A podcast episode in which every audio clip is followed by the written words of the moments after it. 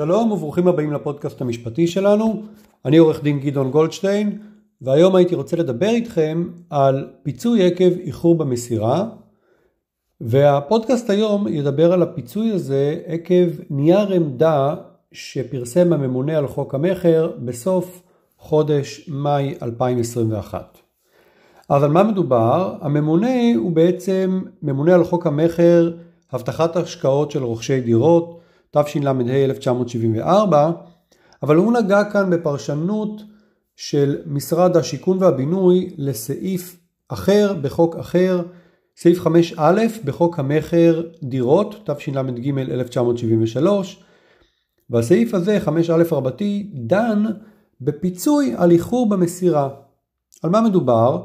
על דירות חדשות שרוכש קונה מקבלן ואם הרוכש, סליחה, אם הקבלן לא העביר את הדירה, לא העמיד אותה לרשות הרוכש בחלוף 60 יום מתום המועד שקבוע בחוזה, אזי זה מזכה את הקונה, את הרוכש, לפיצויים בלא הוכחת נזק. בכמה? אז זה מתחלק. קודם כל אנחנו בודקים את שמונת החודשים הראשונים, וכל עוד האיחור נמשך עד שמונה חודשים, עד תום שמונת החודשים מהמועד החוזי, הרוכש זכאי לפיצוי בשווי של דמי השכירות של דירה דומה בגודלה ובמיקומה, כשדמי השכירות האלה מוכפלים ב-1.5. כלומר ב-1.5 ובעצם מקבלים את הפיצוי הזה כל חודש. כן, יש סעיף שאומר שהסעיף 5 א' רבתי סעיף קטן ב' קובע שהפיצויים האלה ישולמו בתום כל חודש בעד אותו החודש. החוק גם קובע שהפיצויים בעד 60 הימים הראשונים, הרי כמו שאמרנו, יש תקופה שנקראת תקופת גרייס, תקופה של 60 ימים שבהם בעצם אתה כקונה לא זכאי לפיצוי, ורק לאחר ה-60 האלו אתה תהיה זכאי לפיצוי ולמשך שמונה חודשים פיצוי כל חודש כפול 1.5, פיצוי של דמי שכירות כפול 1.5. אז התקופה הזאת שנקראת גרייס היא תקופה שברגע שהמוכר, הקבלן, עבר אותה, נגיד הוא הגיע ליום ה-61 מהמועד שבו התחייב כלפי רוכש שהוא ימסור לו את הדירה, אז ביום ה-61 הוא כבר צריך לשלם לו כאילו עברו 61 ימים, ולא כאילו עבר יום אחד. מה החלק השני של הסעיף הזה, של 5א(א2)? הוא קובע שלאחר תשעה חודשים, אז אותו פיצוי יהיה לא כפול 1.5, אלא כפול 1 ורבע, מדמי השכירות של דירה דומה בגודלה ובמיקומה.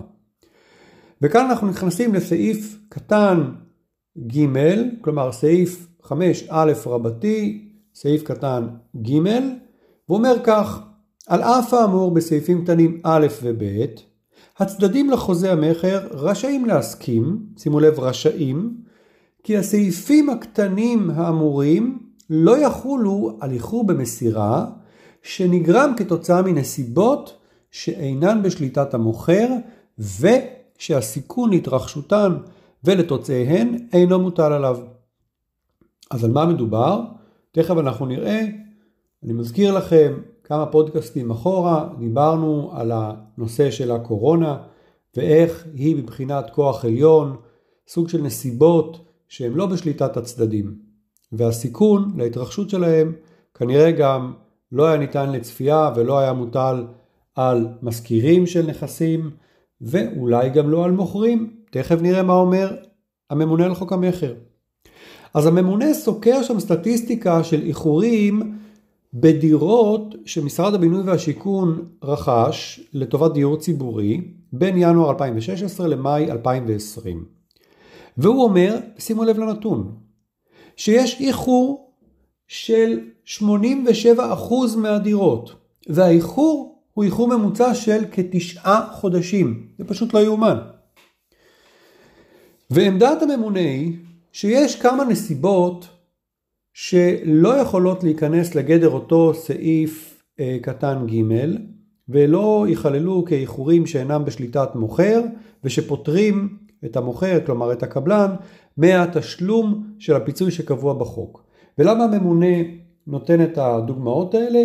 בעקבות כל מיני מקרים ותלונות שהגיעו אליו מרוכשים של דירות, הוא כנראה השתומם כשהבין עד כמה הקבלנים מתנערים, ולכן פרסם כמה דברים, כמה נקודות. נקודה ראשונה, איחור במסירת דירה שנובע מתוצאה של התנהלות של רשות ציבורית בקשר לפרויקט. הרשות ציבורית יכולה להיות למשל רשות מקומית, כן, עירייה, חברת החשמל, תאגיד מים, משרד ממשלתי. זה אומר משהו שלא נחשב כנסיבה שלא בשליטת הקבלן ושהסיכון להתרחשותה ולתוצאותיה אינו מוטל עליו. אגב, החוק מדבר על מוכר ולא על קבלן וזה חשוב להבין, יש מי שמוכר דירה שהוא גם לא קבלן, אבל הוא מוכר דירה לקונה כדירה חדשה. נקודה שנייה, איחור במסירת דירה אשר נבע כתוצאה מהתקשרות בין מוכר הדירה לבין גורמי מקצוע שנותנים שירותים בפרויקט, למשל קבלן מבצע, יועץ משפטי, אדריכל. אז אם היה איזשהו סכסוך למשל, או התנהלות לא סדירה בין המוכר לבין אותו נותן שירותים, וכתוצאה מכך יש איחור, הוא אומר למוכר הדירה, זאת בעיה שלך, זה לא ייחשב לי בתור נסיבה שלא בשליטתך ושהסיכון להתרחשותה ולתוצאותיה לא מוטל עליך. נקודה שלישית, קביעה בחוזה המכר שנותנת אה, סמכות למוכר הדירה או לאיזשהו גורם מטעמו לקבוע האם האיחור במסירה נגרם מסיבה שאינה תלויה במוכר ולפיכך הרוכש לא זכאי לפיצוי שקבוע בסעיף 5א אותם דמי שכירות מוכפלים ב-1.5 או ב-1.25 תלוי אם עברנו את שמונת, תשעה חודשים או לא. ועכשיו נקודה מעניינת איחור במסירה עקב הקורונה והממונה נותן לנו הסבר ופרשנות. הוא מסביר כך, בחודש יוני 2020 פורסם מתווה של צוות בין משרדי בראשות משרד המשפטים בנוגע לאיחור במסירת דירות בשל משבר הקורונה. המתווה הזה של הצוות היה כחלק מדוח מאוד מקיף של הצוות הבין משרדי והמתווה הזה אומץ על ידי שר הבינוי והשיכון באמצעות המלצה לציבור. וההמלצה קובעת כי כשיש הסכמה בין הצדדים, אז כלל, כלומר בין המוכר לבין הקונה, אז כלל רכיבי החוזה המכר שקשורים למועד מסירת הדירה יידחו ב-40 ימים. והמתווה הזה היה גם תקף לדירות שמועד המסירה שלהם נקבע בחוזה מכר בין 18 למרץ 2020 ועד 31 לדצמבר 2020. והממונה מסביר לנו שהמתווה הזה היה רלוונטי לתקופת הקורונה, לא הקורונה, אבל הוא לא בגדר עדכון לחוק המכר, הוא רק מתווה מוצע, והוא רק מהווה המלצה לצדדים לחוזה המכר. המטרה שלו היא לתת לצדדים איזשהו פתרון לסוגיה שלא היה עליה איזושהי הכרעה בדין, והיא נוצרה עקב המשבר של הקורונה, אבל אין שום חובה לצדדים לקבל את הפתרון המוצע הזה.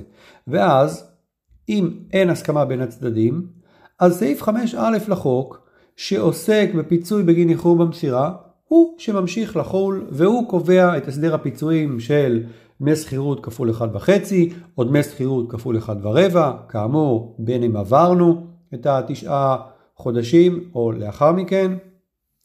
והממונה גם אומר לנו שאין שום כוונה למשרד השיכון והבינוי נכון לרגע זה לעדכן את החוק ברוח אותו מתווה שהיה רלוונטי לקורונה. חברים, מדובר במידע חשוב כיוון שהייתה אי ודאות רבה בנוגע למה יחשב נסיבות אה, שמאפשרות דחייה וכשאין ודאות זה מוביל לסכסוכים משפטיים בין רוכשי דירות לבין יזמים. יזמים שטוענים הייתה לי קורונה ואז אתה צריך לומר להם אוקיי אבל אני בתור קונה לא הסכמתי שיהיה לך איחור במסירה עקב הקורונה או אם הסכמתי אז ההסכמה הזאת הייתה לכל היותר עד 40 יום וקשורה לחוזים בתאריכים כאלה ואחרים אמרנו מרץ עד דצמבר 2020 לכן מאוד מאוד חשוב וכאן יש לנו הבהרה שיכולה אה, להבהיר לכל הציבור רוכשים וקבלנים ומוכרים של דירות מה ייחשב נסיבות שאינן בשליטת המוכר ושהסיכון להתרחשותן ותוצאיהן לא מוטל עליו. יותר נכון, העדכון הזה של הממונה על חוק המכר מסביר מה לא ייחשב כנסיבות כאלו. תודה, אני עורך דין גדעון גולדשטיין, נשתמע.